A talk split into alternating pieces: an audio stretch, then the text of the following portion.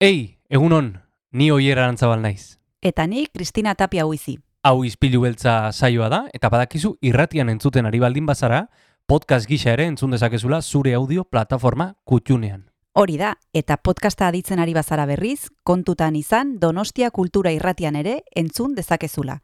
FM eundazazpi puntu lau frekuentzian. Sare sozialetan ere topatuko gaituzu noski, izpilu beltza bilatuta, Instagram, Facebook eta Twitterren. Besterik gabe, guazen gaurko saioarekin. Az gaitezen,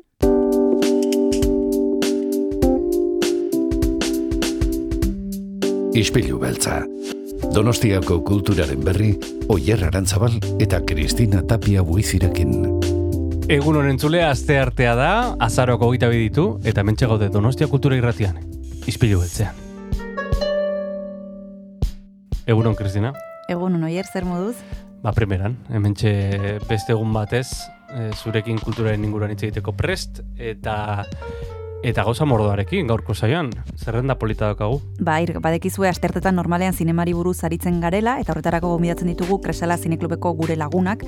Gaur etorriko da Paul Ormaetxea, kaurismakiren bilanen inguruan hitz egiteko, batetik labur bat, otaskeiro izenekoa, eta gero La Chica de la Fábrica de Cerillas. Mhm. Aste artero etortzen zaizkigu Kresala Zineklubeko lagunak zinema hitz egitegera, eta aste artero izaten dute zinemetan beren saioa, mendik gomendatzen dizugu lekuri balin badago noski, eta bagoaz e, baita ere xerezade ere inguruan hitz egitera. Bai, deserezade da dantza ikuskizun bat, e, agian egunotan e, entzun duzu zerbait lan honen inguruan, e, Obiedon egon baitira e, Princesa de Asturias saria, sariaren e, ekitaldian parte hartu dute, eta gu konbidatu dugu Elarbi Elarti, bera da ikuskizunaren zuzendaria, eta hitz egingo digu lan eder honen inguruan.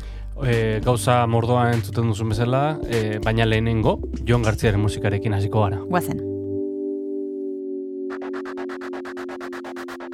Garko saioarekin hasi baino lehen, Merina Grisen azken kantua entzungo dugu, bertsio bat da kasu honetan, izan ere disko aterako dute bertsio batzuekin, eta aurrerapen moduan, hemendik at taldearen eskutitzaren bertsioa erakutsi dute. Beraz, guazen kantu horrekin astera, eta orain entzungo dugu garko elkarrizketa.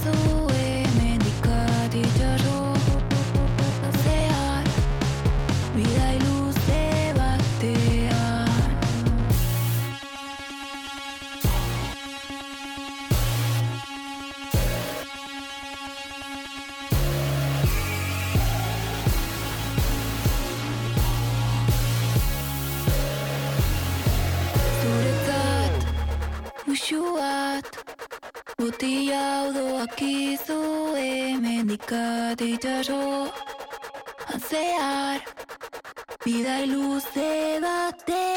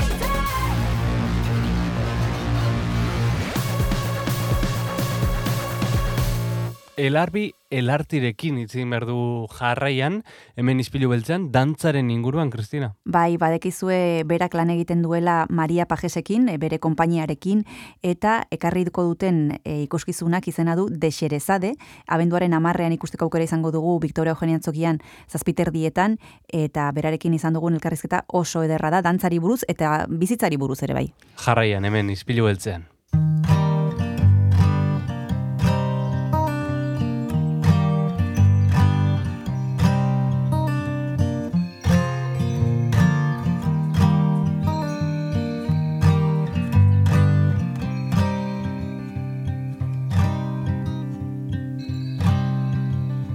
Akordatzen naiz orain. Amakumean intzela Gladisen historioa Kontatu oizidala.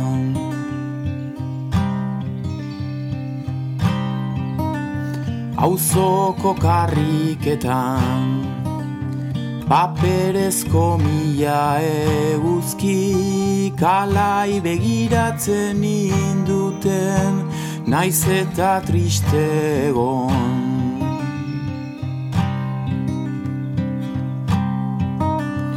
Ekainak iruko izotza, biharamuneko bihotza, bizia egin zizuten motza, azida zuaitzean ostotza, parke kolore derrenari entzun diot gaur zure ahotsa.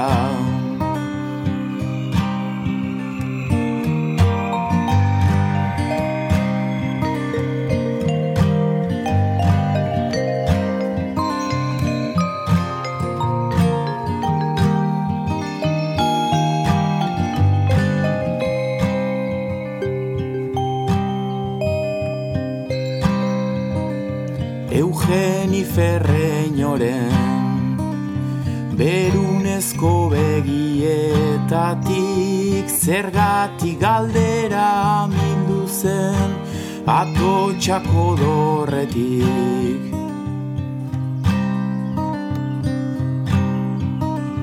Alabaren kemena Ebro ibaian murgildu zen eta lagun minen oiuek zerua urtu zuten.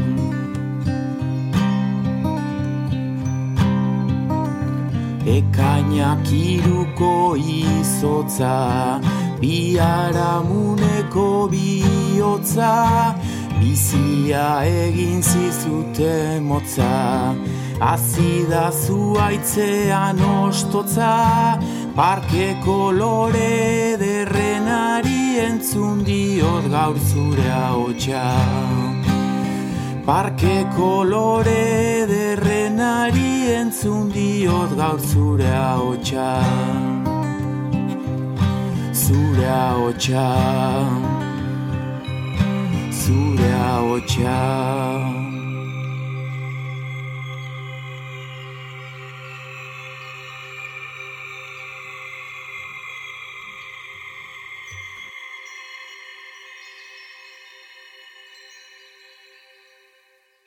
Gaur dantzari buruz hitz egin behar dugu Donostia Kultura Irratian eta horretarako Dexerezade ikuskizunaren idazlea Elarbi Elarti gonbidatu dugu. Abenduaren amarrean, Victoria Eugenia Antzokian ikusteko aukera izango dugu. Egunon, Larbi, ¿qué tal estás? Muy bien, me encanta oírte. Además, cuando hables con euskera, más. qué bien, qué bien.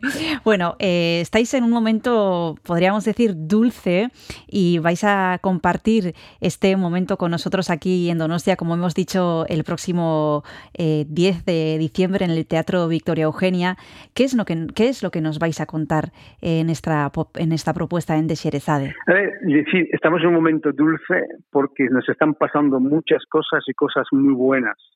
Y cosas muy buenas en el fondo eh, eh, eh, que pasan a la danza, porque al fin y al cabo lo que estamos defendiendo por encima de todo es eh, eh, la, la, danza y la profesión la, y la profesión de la danza no Y eh, eh, eh, Sherazad tiene que ver mucho con, con, con, con el tema de la defensa y de la, y de la, y de la, y la, y de la reivindicación, ¿no? Sherazad es una, yo, siempre, yo la considero como una obra vitalista sobre la búsqueda de la felicidad. Entonces, y lo hace, lo hace a través de mujeres. Son, son, son nueve mujeres, eh, no, son once mujeres, son nueve mujeres eh, bailarinas y dos, do- do- do- dos, dos cantadoras, más otros músicos eh, en directo. Pero, en fin, lo, fundamental son once mujeres en el escenario que lo conquistan y que al fin y al cabo lo que hacen es reivindicar eh, la mujer como valor, sin, sin ideología, sin, sin, sin... No, no, no. O sea, la mujer es un valor eh, y lo es a través de toda de toda la historia de la, de la, de la humanidad y ha sido eh, eh, fundamental en la construcción de la civilización que hoy hemos, estamos viviendo y, y, y la, la, civilización, la civilización que hemos heredado. Entonces, yo creo que el papel de, de, de, la mujer es decir, queda pues muy bien plasmado en esa narradora que lo que hace es usar la palabra para salvar a la humanidad. Mm. Fíjate, eh, el Shehrayar, el, el rey, eh, mataba, asesinaba cada noche a una mujer. Y llegó Sherazad y dijo, yo no quiero que haya más muertes y yo quiero vivir. Y lo que hace, usa la palabra como elemento de, de, de, negociación por la paz, de, de negociación por la, super, de la supervivencia. Entonces, eh, para, eso los, para eso los negros, la palabra es muy importante. Ahora hemos podido veros a, a, todos vosotros, bueno, algunos de vosotros por lo menos, en todos los informativos y en los periódicos por esa actuación que habéis tenido en Oviedo al hilo de los premios eh, Princesa de Asturias. Y este es un trabajo que lleva un recorrido. Y yo no sé, el Arbi, cómo surgió este proyecto. ¿Cuál, cuál, cuál fue aquella idea eh, que fue la que prendió eh, la posibilidad de poner en marcha esto, de poner a la mujer en el centro, de reivindicar que la mujer es un valor sin ideologías. ¿Cómo fue el, el, comienzo de esto? Personalmente, yo me considero como un compañero, un compañero de viaje de María Pajés. El proyecto es María Pajés, es decir, la que tiene una historia eh, eh, en la danza es María Pajés. Yo he subido a un, a un tren, un tren maravilloso, por convicción, eh, pero el centro, la esencia, es, es, es, es María. Entonces, y yo lo que yo siempre digo, soy un humilde traductor de la inmensa inteligencia de María Pajés. Entonces, sí, es verdad, lo que, lo que hago, extraigo eh, eh, la, la, esa inteligencia de María y la convierto eh, en valor dramático. Entonces, es decir, eh, al fin y al cabo, eh, la, la, idea empezó hace, en el, yo creo que cuando, cuando nos conocimos, es decir, hace, hace 16 años. ¿no? Entonces, la primera vez que, la, prim la primera vez, la primera vez que, que trabajamos jun juntos fue, fue, eh, fue en la obra Utopía, que se estrenó en, eh, en Avilés, y a partir de ese momento, eh, yo soy, sí, verdad, yo lo insisto, yo soy un traductor, yo soy un traductor e intérprete de lo que es ella, y ella es una gran mujer. Mm. Y en este trabajo de interpretación y de traducción, ¿hay algo que te ha costado, en concreto en esta obra? ¿Algo que te ha resultado más complicado que en algún otro trabajo? ¿Ha ido todo sobre no. ruedas? ¿Era como pensabas desde el principio? Ha ido, ha ido todo sobre ruedas porque ella también es una gran intérprete de lo que yo propongo. hay, hay, una dialéctica bonita. Mm. Es verdad que yo interpreto, pero ella también sabe. Pues claro, nosotros sí, un, un dramaturgo propone ideas, ¿sabes? Pero eh, eh, las ideas, eh, convertirlas en movimiento, convertirlas en música, todas las músicas son originales, ¿no? No es un trabajo, no es un trabajo fácil, por lo tanto, es verdad que, mi, mi, propuesta, mi, interpretación no encuentra dificultades, porque ella sabe, María Pajés, María, sabe interpretar eh, las palabras, las ideas y convertirlas en movimiento. Mm. Ahora mismo vamos a seguir hablando de Xerezade, de esta propuesta que vais a traer al Teatro Victoria Eugenia. Nos vamos a tomar un descanso y continuamos ahora mismo. Estupendo. Bildos dantzaria naiz egiten dut ozkautatuen etxean den zakur berdeska Bildos dantzaria naiz egiten dut ozkautatuen etxean den zakur berdeska Lotu nazazu edo joango naizi esi ez zaitu behar bainan Enazazu utzi lotu nazazu edo. Joango naizi esi ez zaitu behar bainan Enazazu utzi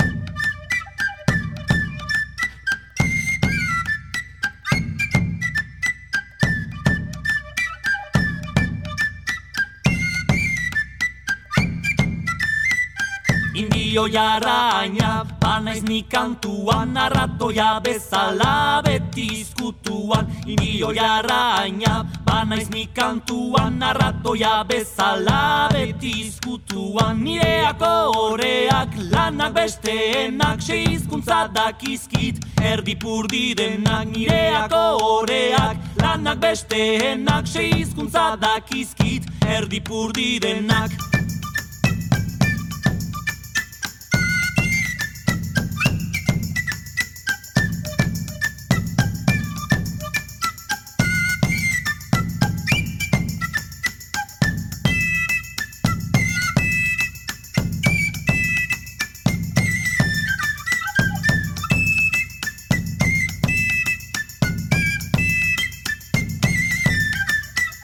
Sartaldeko printzen nahi zerbitziarekin mila opari ditut Zertako ez jakin. Sartaldeko printzen naiz zerbitziarekin mila opari ditut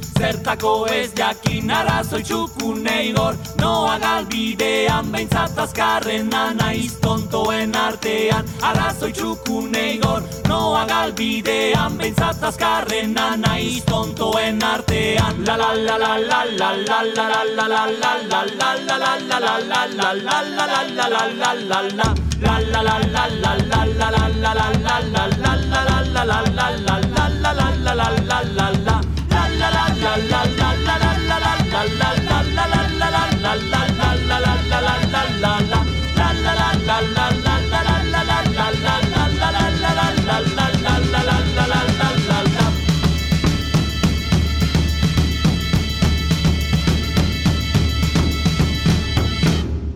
Dantzari buruz hitz egiten ari gara hemen gaur izpilu beltzan, deserezade ikuskizuna ikusteko aukera izango dugu, Maria Pajesen konpainiak ekarriko du abenduaren amarrean Victoria Eugenia Antzokira eta guk idazlea ekarri dugu izpilu beltzara, elarbi elarti eta ari ginen hitz egiten berarekin, ba, sormenaren e, ideiaren e, sorrerari buruz. Estábamos hablando de cómo surgió este proyecto, de, de, que, de cuál es vuestra propuesta de, de hablar de la mujer como valor sin ideologías, de hablar de la igualdad y todo ello en una clave flamenca. Y yo no sé qué os ha permitido el flamenco eh, para poder hablar de todas estas cosas. Primero, la idea surgió de un via de un, de un trabajo anterior, Ujú. del- de- creo que del 15, eh, que era Yo Carmen. Mm, Eh, eh, y, y- y- la idea inicial era, es decir, eh, Cristina Scheppelman, que era, que era la directora artística de, de, del Liceo de Barcelona, dijo, oye, ¿por qué no hacéis un, ¿cómo se llama? Un- una versión grande de, de, de, Yo Carmen. Y la verdad empezamos a hacer una versión grande de Yo Carmen. Eh, eh, el, estreno eh, estaba planteado para, para eh, eh, eh, julio del 20. Claro, el 20 es la pandemia. Y tuvimos dos años que, que, que, que constituyeron un revulsivo en, en, en, en nuestra concepción de, de, de, esa obra y eh, olvidamos a, a, a, Yo Carmen y nos metimos en otra en otra en otra en otra inquietud, o que es una inquietud también eh, asociada a la primera, pero donde aportamos otra cosa, es decir, la palabra como instrumento de paz. En este momento, en este momento que, eh, que, que- las, las sociedades global, univers- universales, que nuestra sociedad, es decir, estar conociendo eh, la polarización, eh, la falta de escucha, la falta de empatía, la radicalización, yo creo que eh, eh, la palabra es fundamental. Y si la reivindica la mujer, yo creo que el valor de esa palabra es mucho más importante, porque al fin y al cabo la mujer no deja de ser la, la arquitecta de las emociones, es decir, la, arquitecta de los sentimientos.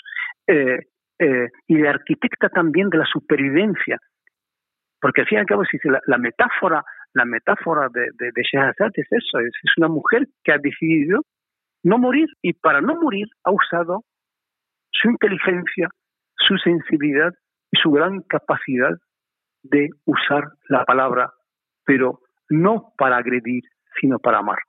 Es decir, a través de la palabra lo que hace Shehrazad es humanizar al asesino, a ese hombre que, que mataba mujeres, no porque fuera, asesinaba a mujeres porque, eh, eh, al fin y al cabo, porque tenía un problema, se sentía poco hombre.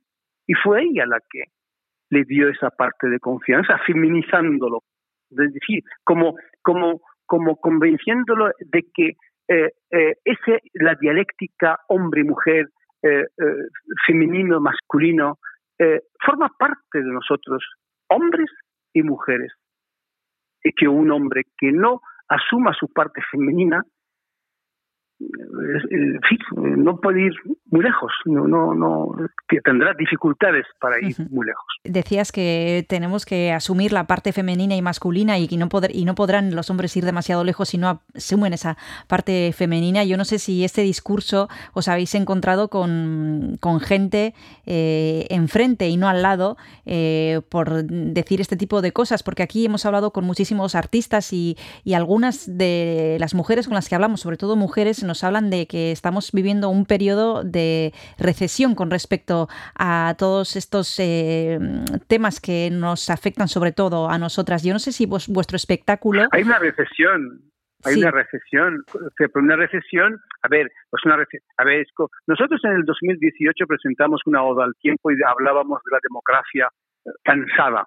Veíamos que que, que, que, lo mejor que ha creado, el, lo mejor que se ha creado la civilización es estos últimos 60, 70 años, o sea, de, sobre todo después de la Segunda Guerra Mundial. Es decir, el, hablamos decir, la igualdad entre mujer y hombre, decir, la la, la, las libertades, eh, eh, ¿cómo se llama? Eh, se consiguió lo que se llama el estado de bienestar, que engloba todo, y ahora el que está en lo, y ahora lo que está realmente en juego es eso son los principios democráticos y nuestro estado de bienestar porque el estado nuestro el, el estado de bienestar es la mejor expresión de la democracia y está en juego. Por lo tanto es decir la recesión está afectándolo todo. Y cuando hay cansancio radical de la, de, de la de, ¿cómo se llama? de la democracia, eh, eh, los enemigos de la democracia van directamente a las partes más que se suponen más, más, ¿cómo se llama? más, más frágiles, a la mujer, a la, homofobia, a la inmigración. Estos, estos son, son elementos que, y, y, y, y, y, y Sherazad eh, implícitamente Ahora mismo vamos a volver a hablar de, de, esta propuesta tan interesante que trae la compañía de María Pajés. Nos vamos a tomar el segundo descanso y continuamos ahora mismo.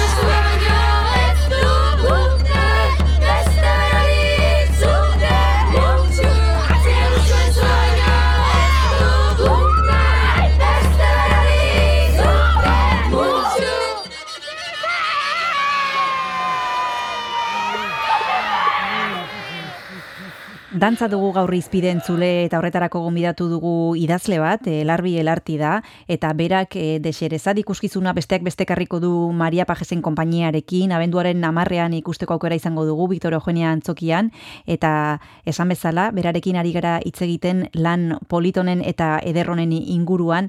Eh, me ha llamado la atención que después, de, después del espectáculo, después de la función, eh, pasaréis a la sala club del teatro para tener una especie de charla con quien se quiera acercar. ¿Esto eh, con qué idea lo habéis organizado? ¿Qué cosas suelen pasar en estos encuentros? Pueden pasar cosas muy bonitas, porque, a ver, decir que la- la- la- el espectáculo tiene 80 minutos, es un espectáculo que al fin, desde el principio, desde el, el- desde el primer segundo hasta el final, lo que hace es se agarra a las emociones y nos suelta al espectador hasta el final. Ya lo vivirás, ya lo ya, ya, ya me, me dirás que no, no tienes razón. Eh, Entonces, claro, el, el, el, el, el, tener el encuentro con los con, con el público es maravilloso, maravilloso para el público y maravilloso para nosotros, porque es una manera también de, de cogerle el pulso a, a, a, al público y el público también cogernos el pulso y, y ver también por dónde cojeamos, porque es decir, es una es un encuentro, decir, amistoso pero complejo. Y nosotros asumimos ese ese ese, ese juego, ese, esa esa dialéctica eh, de público eh, público autores eh, y la verdad lo que eh, fide- fide hasta ahora eh, eh, los encuentros los encuentros que hemos hecho son muy bonitos salen cosas muy bonitas observaciones de, observaciones dudas y algo muy importante también es decir, el encuentro con el público también eh, eh, eh, nos, nosotros lo, lo, ofrecemos siempre a los teatros que quieren organizarlo porque queremos desmitificar la danza. El bailarín no es la persona, la mujer o el hombre que sube al escenario y se mueve tocado por la gracia divina. Como profesión es una mujer y un hombre que trabajan, que, que, que, que, investigan, que, que, es decir, eh, oye, yo lo, lo, que te digo, yo he sido un mirón, yo he sido un, un aprendiz de, de, de, todo esto, porque si la María es, es, es, es, todo, o sea, todo lo que yo sé me lo, me lo, me lo ha transmitido eh, ella, lo he extraído de, de, ella. Yo sé que eh, el bailarín hoy es un eh, atleta de alto rendimiento, pero la sociedad no quiere reconocerlo. ¿Por qué crees que pasa eso? Por, por, por simplemente porque hay un, hay un conflicto eh, con, yo creo que hay un conflicto social con la cultura. La cultura está, está, está asociada con una palabra horrorosa, el entretenimiento. Y es más, la cultura forja lo que somos en nuestra diversidad, en nuestra pluralidad, pero forja lo que somos. Es, es, eh, son nuestros valores, son, son nuestra, es nuestra, nuestras expectativas, nuestro deseo de, de, de trascender, pero también de construir presente y futuro, ¿no? es nuestra relación con nuestra memoria, ¿no? La danza es orgánica, la danza es conocimiento. No se reduce a la palabra, la palabra entretenimiento. Entretenimiento. O pones a un, a un ser encima de un escenario, le pones un foquito encima y él se mueve. No. Entonces, es decir, también en los encuentros hablamos de esto y eh, le damos mayor human- humanidad, porque esa persona que, que, que, que, eh, María, en eh, que, que baila durante 80 minutos con sus, con sus bailarinas y, y sus músicos, baja, eh, en después eh, y, y, oye, oye, que, que, Hmm. que, que aquí estoy. Qué bonito esos encuentros eh, y poder charlar y poder ver y, y no tocar, no, no, pero bueno, quiero decir, tener tan cerca eh, Es una manera delante. de tocar. Sí, Eh, a- a- en este caso a, a estas personas que van a que van a trabajar el día 10 de diciembre, eh, no me gustaría despedirme de ti sin que nos eh, dieras una breve pincelada de la música sobre la música, porque en el escenario eh, va a haber eh, mujeres bailando, pero va a haber también mujeres interpretando música. ¿Qué nos Sí, puedes decir con respecto a esta parte de la obra? construimos construimos es decir la, la hay una cuestión es decir la, la- cómo se llama el, el recorrido eh, íntimo de la obra de Sherazad eh, está recorrido por por el, por el personaje oriental de las mil noches de Sherazad pero también está la Carmen Medea está Wallada está Safo está, eh, eh, Bernarda Alba ya, lo, lo verá la Blimunda de José Saramago la Úrsula Guarán de, García Márquez. Es decir, son mujeres eh, eh, que han marcado la, historia y el imaginario universal. Son mujeres puentes, son mujeres sueños, son mujeres memoria, ¿no? Entonces la música, la música, un poco lo que hace es transcribir eh, eh, eh, este mundo, este imaginario eh, femenino. Es música, es decir, original, hay una cosa muy interesante, es decir, que, que parte de lo que son las letras que escribo yo y la dramaturgia, las letras, es decir, son palos que María me dice, oye, esto lo vamos a hacer, pam, un, un tema triste, un tema más en función de los palos, los palos flamencos, y eh, se escriben las letras y se sientan, son, es decir, un, son decir, músicos eh, flamencos y músicos clásicos. Entonces hay un cello y un violín y un guitarra y dos voces. Vale, esto es eh, los- la esencia de la composición. Cuando estamos componiendo trabajamos en, es decir, una guitarra, un cello, un violín, una percusión y dos, dos voces. Entonces, pues sí, eh, hay, hay un, hay, hay, digo, hay, hay, ¿cómo se llama?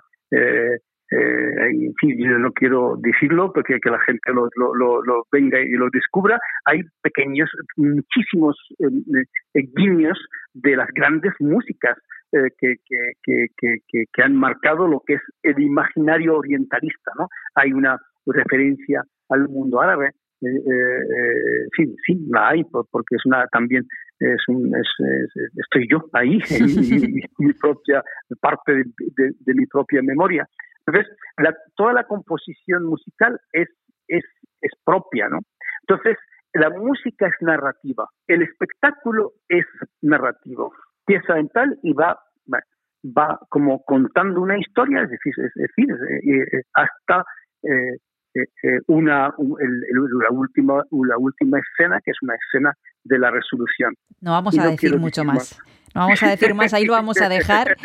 Invitamos a los es- a los oyentes a que se acerquen a ver de Sherezade. Aquí le hemos, dado unas píldoras, yo creo que más que sugerentes, para que puedan eh, disfrutar eh, de esta propuesta que, como hemos dicho, tendrá lugar el próximo 10 de diciembre en el Teatro Victoria Eugenia a las siete y media de la tarde. Muchísimas gracias por haberte acercado a Donostia Cultura y Ratirá. Un abrazo muy grande y hasta la próxima. Gracias, Yagur. Agur.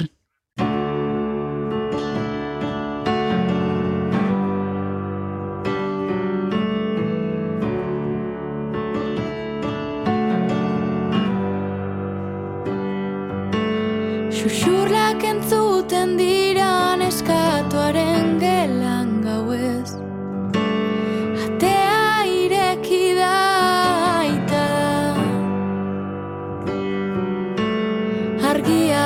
Este codío alak mesedez, munstrago herriroa.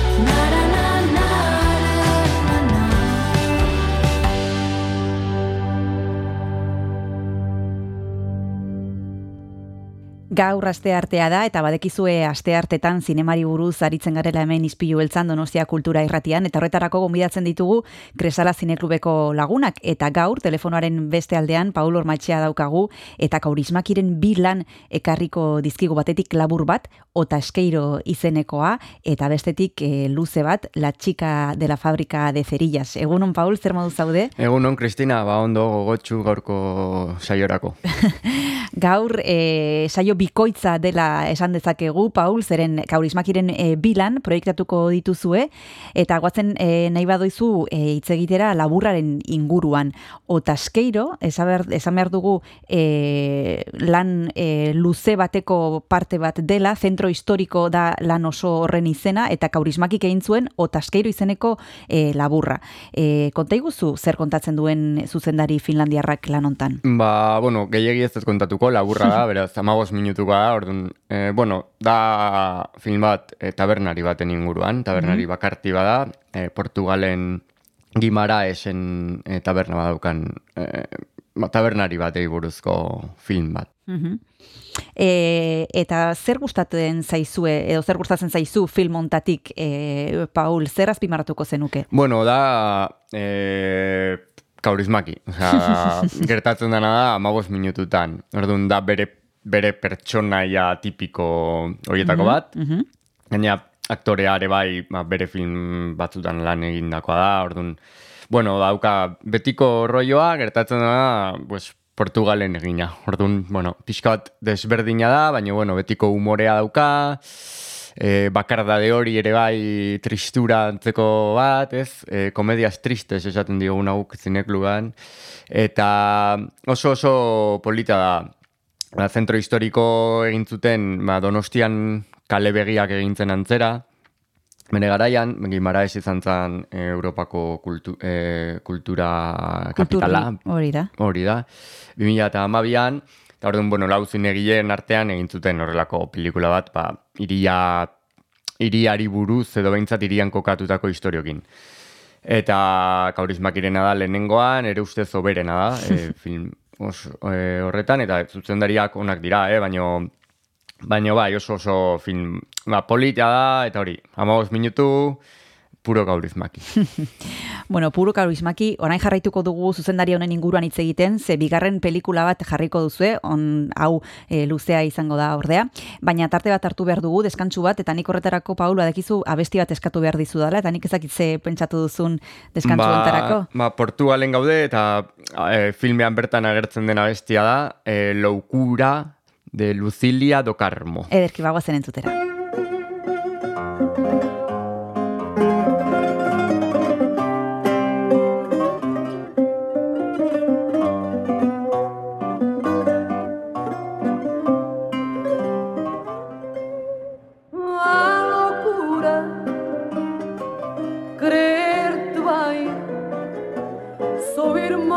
Desventura. Tinhas razão, minha mãe.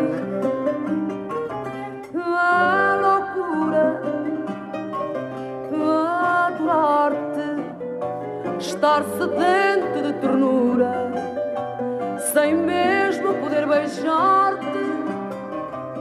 Chorai, chorai, guitarras da minha terra, o vosso pranto encerra minha vida amargurada. E se a loucura amar-te desta maneira,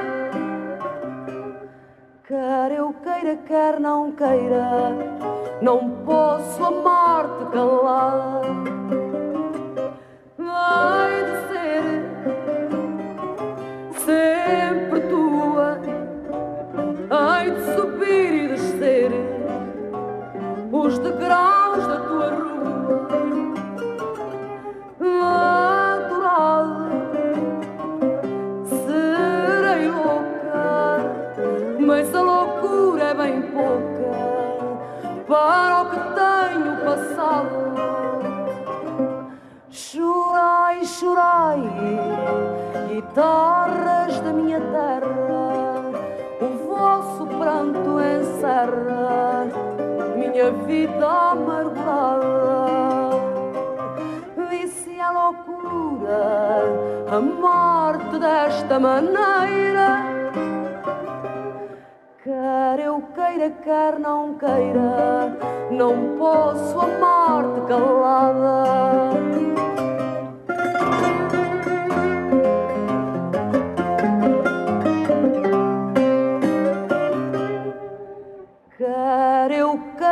Quer não queira, não posso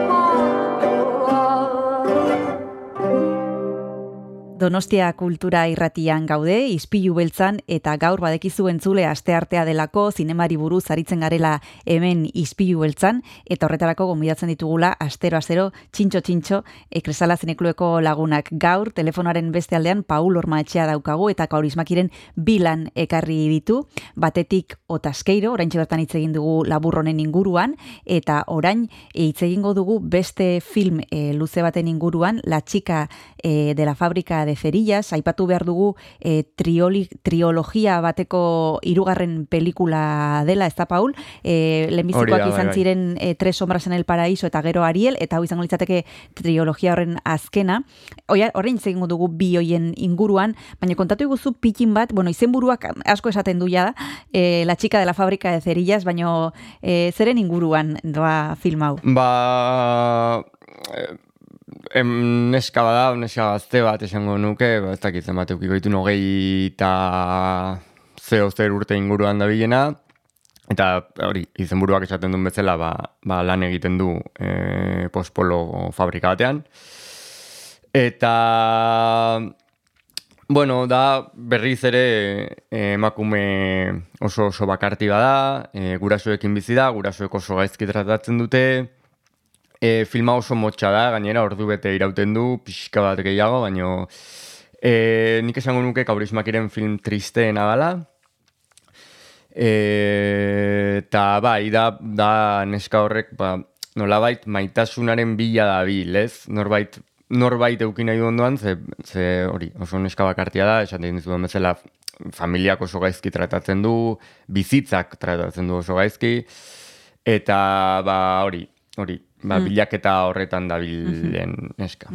Hemen e, beste batzuetan aipatu izan dugu kaurismakiren lana eta bere ezaugarriak zein diren eta beti esan diguzu Paul e, umorea badagoela bere filmetan umore oso partikularra berea. Kasu hontan e, esan duzu tristeena iruditu zaizula bere filmografian tristeena. E, ez dago ez umorerik ez esperantzarik hemen. E, badago humorea mm, besteetan baino gutxiago agian, e, oso oso humore beltza gainera, esperantza gehiegi ez. Bere film gehienetan badago, badago, naiz eta bizitzak, pertsonaien bizitzak normalean izaten diren, ba, bueno, e, tristeak edo miserableak edo nahi deguna. Beti dago esperantza puntu bat eta eta, bueno, argitasun puntu bat. Eta hemen ez.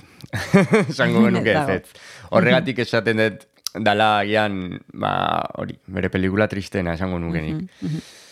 Aipatu dugu e, trilogia bateko hirugarren pelikula izango litzatekeela hau, La chica de la fábrica de, cerri, de cerillas, e, lehenbiziko biak izan ziren e, Sombras en el paraíso eta Ariel, eta kontatu pixka bat, e, Paul, hiruek ze kontatzen duten, e, zer, ze- zer osatu nahi izan du autoreak e, hiru pelikula hauekin, eta bakoitzean zer, zer kontatzen du pixka bat. Bai, bueno, da proletariotzaren trilogia. Nik ez dakit trilogia berez horrela den, esan nahi, berak trilogia egin zuen, edo gero gora jarri zaion trilogia hori, ez? Bueno, ba, azkenean proletarioak dira, e, langileak dira hiru filmetan, baina gero badauzka beste film asko langilea direnak ere protagonistak, orduan ez dakit pixka bat, ba ez dakit, ba hirurak izan ziren hor e, urte tarte batean, eta eta horren inguruan dabil. Gehien bat, e, ba nola, nola e, langile bizitza horiek ez, ze, ze, zer daukaten komunean, edo, edo nola lan horrek lotzen dun zure bizitza nola baitez. Eta bai, Sombras en el Paraíso eta Ariel ja ikusi ditugu zineklubean. Hoiek bai ziran ba, zeukaten esperantza bat, ez? Eta gainera bukaeran nolabait irekita zegon dena eta eta esperantzara bidea uzten zuen irekita eta azkeneko honekin ba, ba ez, egia esan ez. Ez dakit, nik refleksio bat egiten dut, ze normalean kaurismakiren protagonista nagusiak e, beti daude protagonista bat baino gehiago, dut, baina nagusia nagusia normalean gizonezkoak izaten dira. Eta eta honetan ez, eta agian esperantza falta hori horrekin lotuta egon daiteke. Eh, ez dakit, eh? Eh, oso, oso oso zaila dauka emakume honek bizitza, eta ba, esango genuke ez zaiola konpontzen. Bengantza aire kutsua dauka ere bai, eh? E, neska azkenean nolabait errebelatu egiten da munduaren munduaren aurka. Esaten dugun bezala ba, dena gaizki gaizki doakio, e, oso gaizki tratatzen du munduak, eta, bueno, bengantza antzeko bat eramaten du filmaren ba, e, filmaren ja bukaera aldera, esango Mhm. nuke. Oraintxe bertan jarraituko dugu pelikula honen inguruan hitz egiten eta kaurismakiren inguruan hitz egiten, baino bigarren tartea hartu behar dugu, Paul, lehen proposatu duzu Portugaleko abesti bat, eta oraingoan ezakitze pentsatu duzun. Ba, bueno, kaurismaki oso musikazalea da, eta badauka talde bat asko gustatzen zaion, Mel Rose izena du, eta bideoklip bat egin zen behin, e, Rich Little Beach kantuaren bideoklipa, beraz, ba, kantua entzungo dugu. Primera, magoazen entzutera.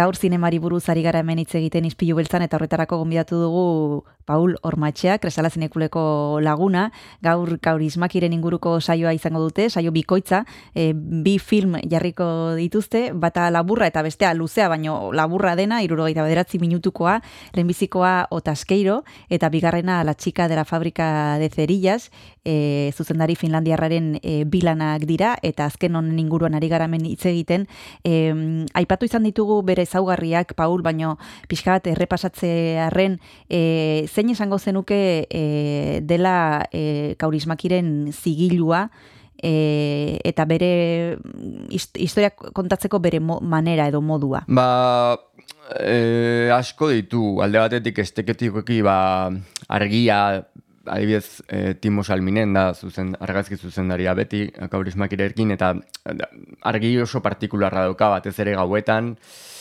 hola oso urdin kutsu batekin, polita, pixka bat melankolikoa ere bai, eta gero nik uste dut, eta nik uste dut La Chica de la Fábrica de Cerillas dela horren erakusgai handiena, e, oso oso oso narratzaile ona da.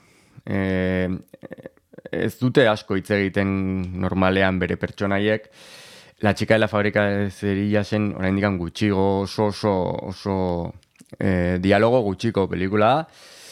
Et, baino oso ondo narratzen du irudiekin, dena ulertzen da argi eta garbi, ez du behar, eh, ez dakit, ez, eh, ofa hotxik ez du behar pertsonaiek kontatzea zer ari zaien gertatzen, ez kanpotik ez barrutik.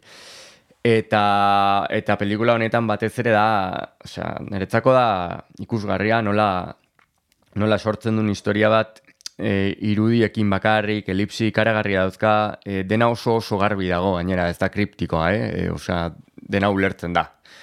E, zinema mutuarekin pixka bat e, aldea daukan. Ikuste dut hortikan zinema mutuan azkenean e, batez ere bukaeran, ja hogei garren amarkada bukaeran e, e, narratzeko modua zan e, ikusgarria zan. E, karo, ez zegoen hotxik eta nolabait iritsi ziren puntu batera ja oso oso ondo e, definitzen zutela e, dena, ez? E, hasieran zinema hasi zanean, ba, dena berria zan, eta pixka bat e, publikoa ohitu behar zan e, zinemaren kodigoa jarraitzera, baina ja hogei garren amarkada bukaeran ja e, ikusleak ohituta zeudela zinemari, eta kaurismakik hortikan tiratzen du nik uste dut.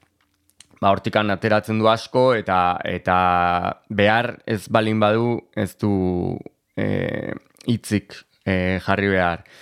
Eta esaten dizudan bezala dena ulertzen da argi eta garbi. Eta da, niretzako da espektakulo. Batez ere pelikula hau. Gaiei dagokionez, Paul, normalean hemen adibidez aipatu ditugu hiru pelikula hauek eta e, langileak dira protagonistak, baino bere filmografian oroar e, ze gaiak e, aukeratzen ditu zuzendariak. Bueno, eh, a ber, nire ustez kaurismaki da humanista bat, eh, ezkertiarra, dudari gabe, eh, sozialista beti dago nolabait opresioa dago eta pertsonaia oprimituen filmak egiten ditu, eh, peli- pelikula askotan langabezian dauden pertsonak, baino humanitatearekin. Ez, ez dijoa e, sozial aldetik, osea, sozial aldetik badauka noski, e, e, pertsonaia guztiak kondizionatu daudelako horrengatik, dudari gabe, baina Ken Loachen adibide hartuta adibidez, ez dijoa e, ez soziedadearen, kon, osea, soz, pertsonai bat e, soziedadearen aurka baizik eta pertsonai batek nola e, bizi dezaken e, kondizio horrekin eta nola afektatzen duen individua bere, bere inguruak. Eta nik uste ia pelikula gehienetan hori horri buruz doala, eta humanidade asko dauka, esaten, umorea ere bai, Hmm. nahiz eta la txika de la fabrika de zerillasen pixka gutxiago, eta azkenean e, nik uste pelikula e, politak dirala.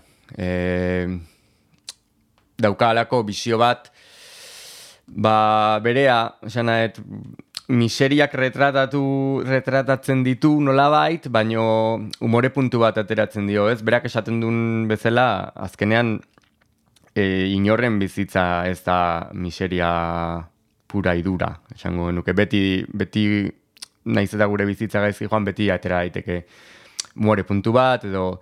Eta, bueno, hori da bere zinema, gehien bat. Hori da bere zinema eta guk gaur e, arratsaldean Trueba zinemetan ikusteko aukera izango dugu.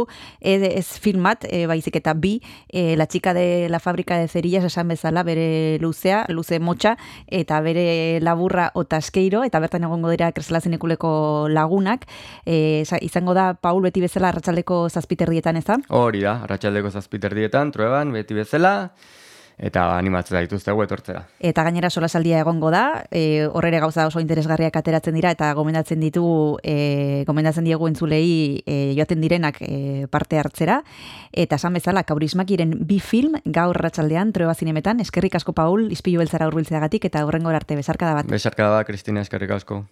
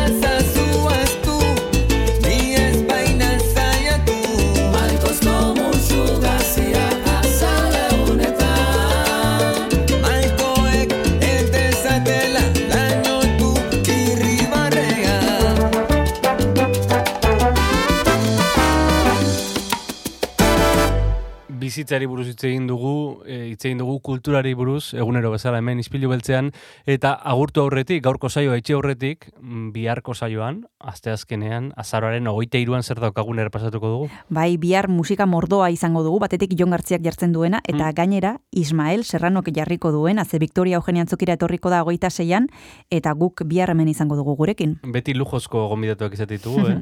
Bai, ez da lehenbiziko aldia e, Ismael Serrano izan genuen, e, aurreko ezakit noiz etorri zenean, baina hemen izan genuen, eta oso jatorra izan zen gurekin, eta oraingoan ere onartu du gure gonbidapena. onartu dugu gure gonbidapena eta bihar entzun izango duzu hemen Donostia Kultura Erratian, FM eundazazpi.la frekuentzian, edo dena delako audio plataforman. Podcastak eh, aditzen dituzun dena delako plataforman, bertan arpidetu, eta gure saioa entzun ahal izango duzu. Astelenetik, ostiralera Donostiako kulturaren isla. Besterik ez, bezarkada bat. Bihar arte. Agur, agur.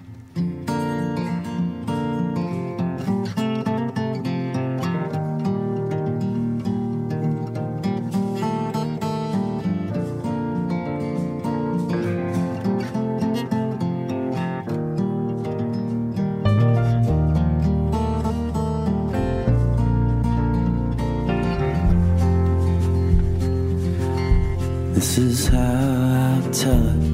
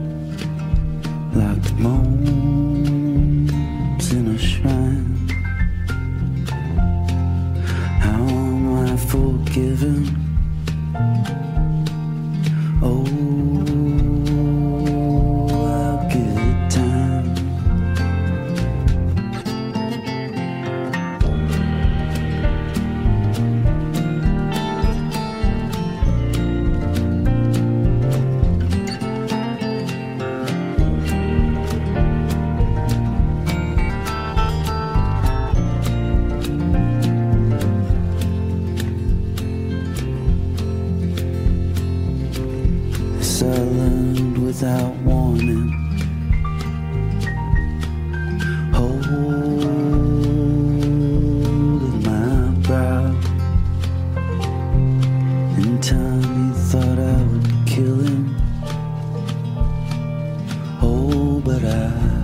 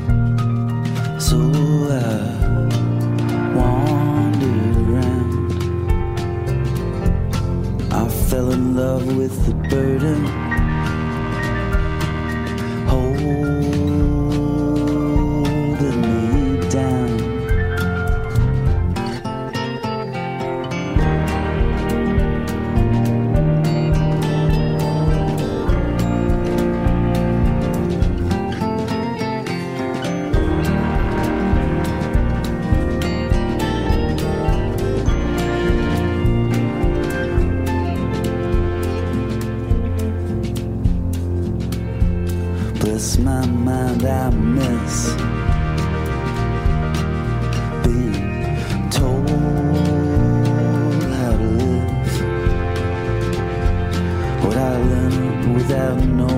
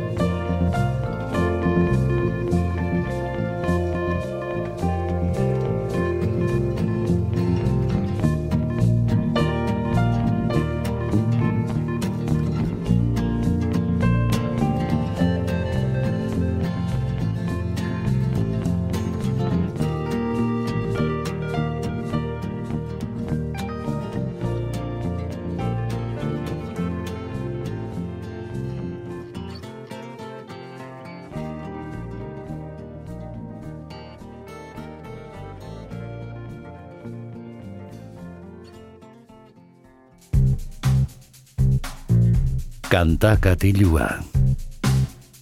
Jon Gartziaren eskutik.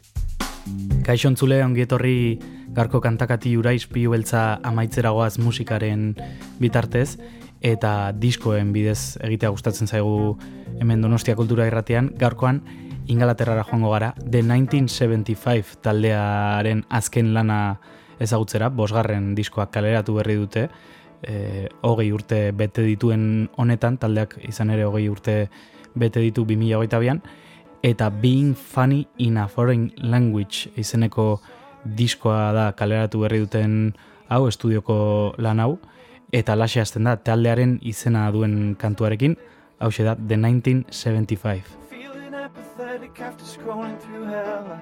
I think I've got a boner, but I can't really tell. And the fans run.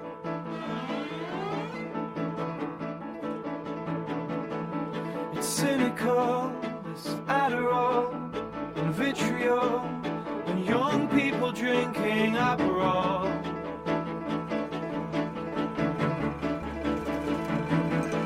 And it's about time. And this is what it looks like.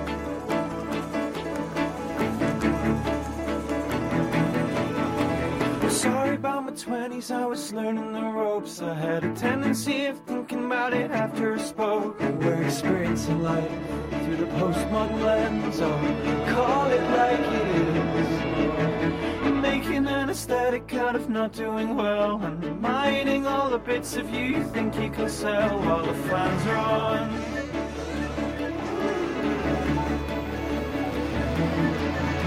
whimsical, political,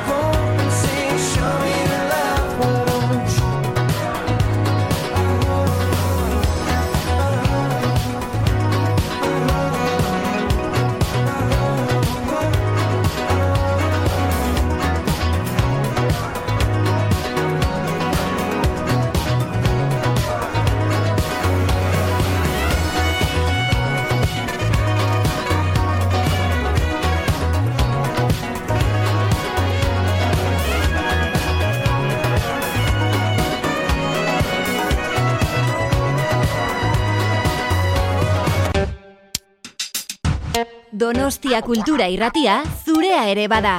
Zatoz eta parte hartu.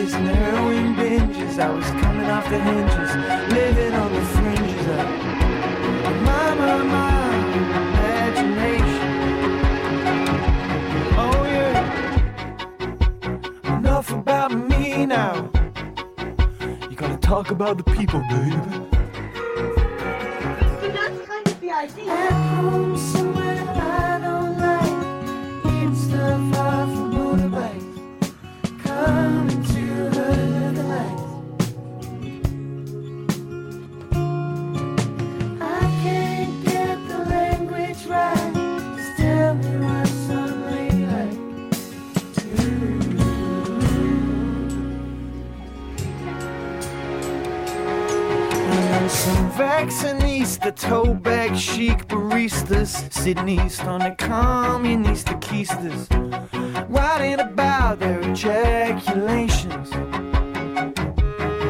I like my men like I like my coffee, full of soy milk and so sweet it won't offend anybody while staining the pages of the nation. Oh, yeah. Settings in a new part I take care of my kids, she said.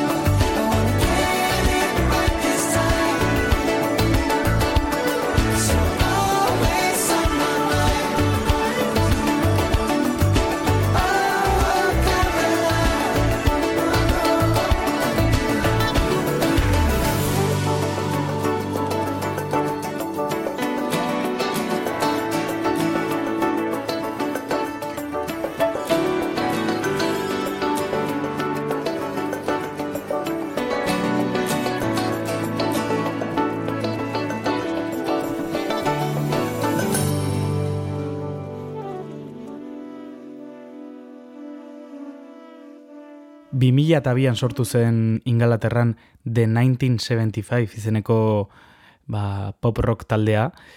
Eta aurten hogei urte betetzen dituzten honetan kaleratu dute haien azken lana, bosgarrena hain zuzen ere, Being Funny in a Foreign Language izenekoa. Gaurkoan donostia kultura irratean ezagutzen ari garen diskoa da. Eta tira, ba, arrera handia izan duen diskoa da bai e, publiko aldetik eta bai e, ba, zenbaki aldetik e, lehenengo postuan egon da ingalaterrako listetan eta tiragoazen entzuten eta zautzen jarraitzera beste abesti batekin. Entzungo dugun hau da I'm in love with you.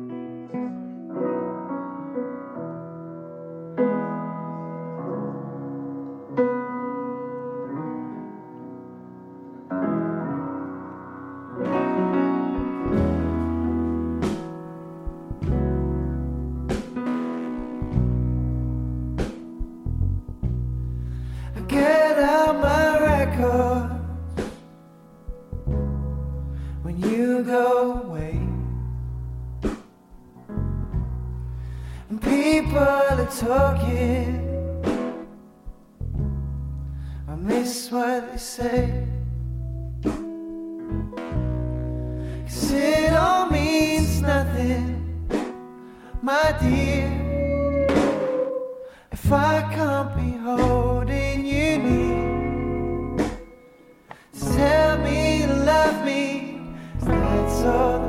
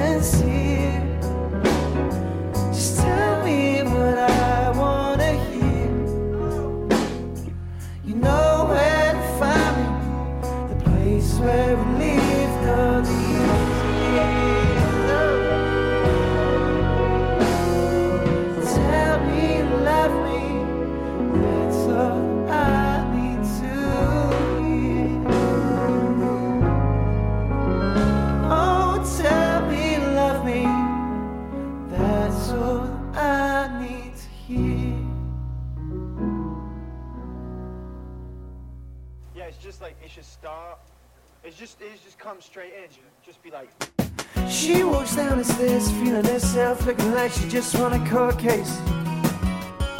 He's got a funny way of using the same four chords for every song he makes.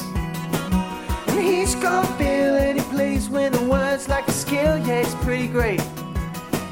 He said his official friend died cause of officiate. Yeah, she's got Hannah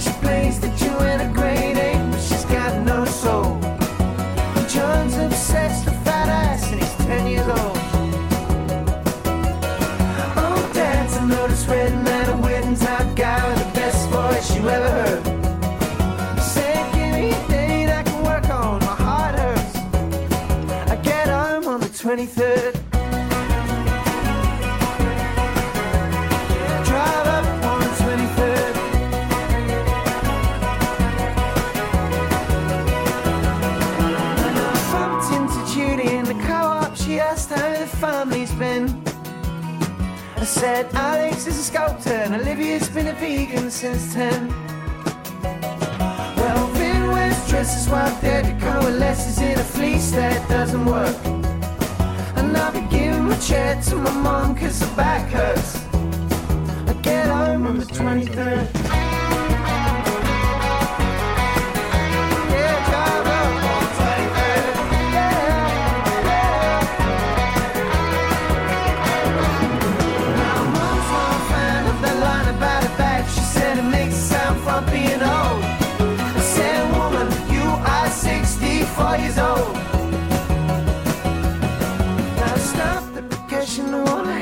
discussion and it's Christmas. This is gonna be a nightmare. I just came for the stuff and not to argue about nothing, but mark my words, I'll be home on the 23rd. Yeah, Tyler.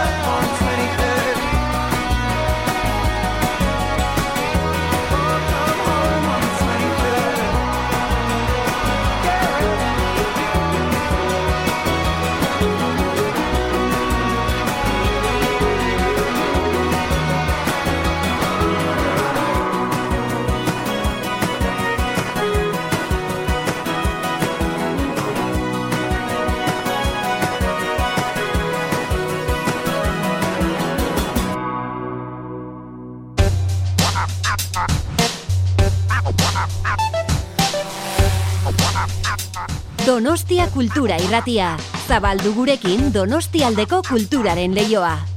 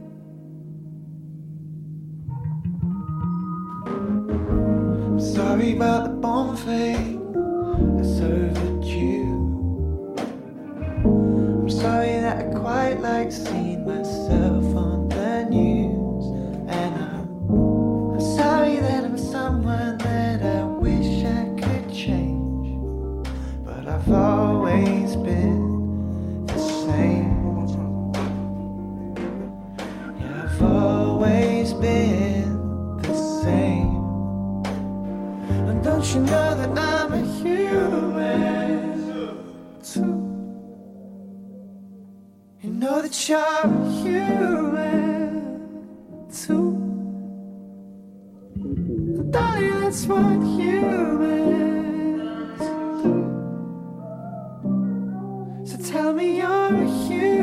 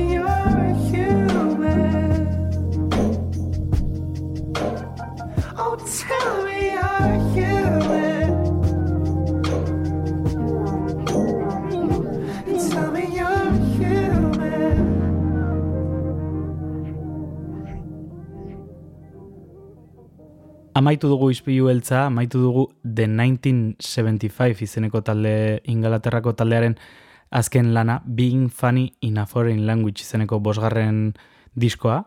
Eta gozatu dugu gaurkoan ere Donostia Kultura Erratian beste disko batez, e, hemen kantakati joan, bihar gehiago ekarriko dizuegu, baina gaurkoz e, azken kantuarekin utziko zaituztet, When We Are Together izeneko kantuarekin, eta esan bezala bihar bueltan izango gara, beraz bihar arte.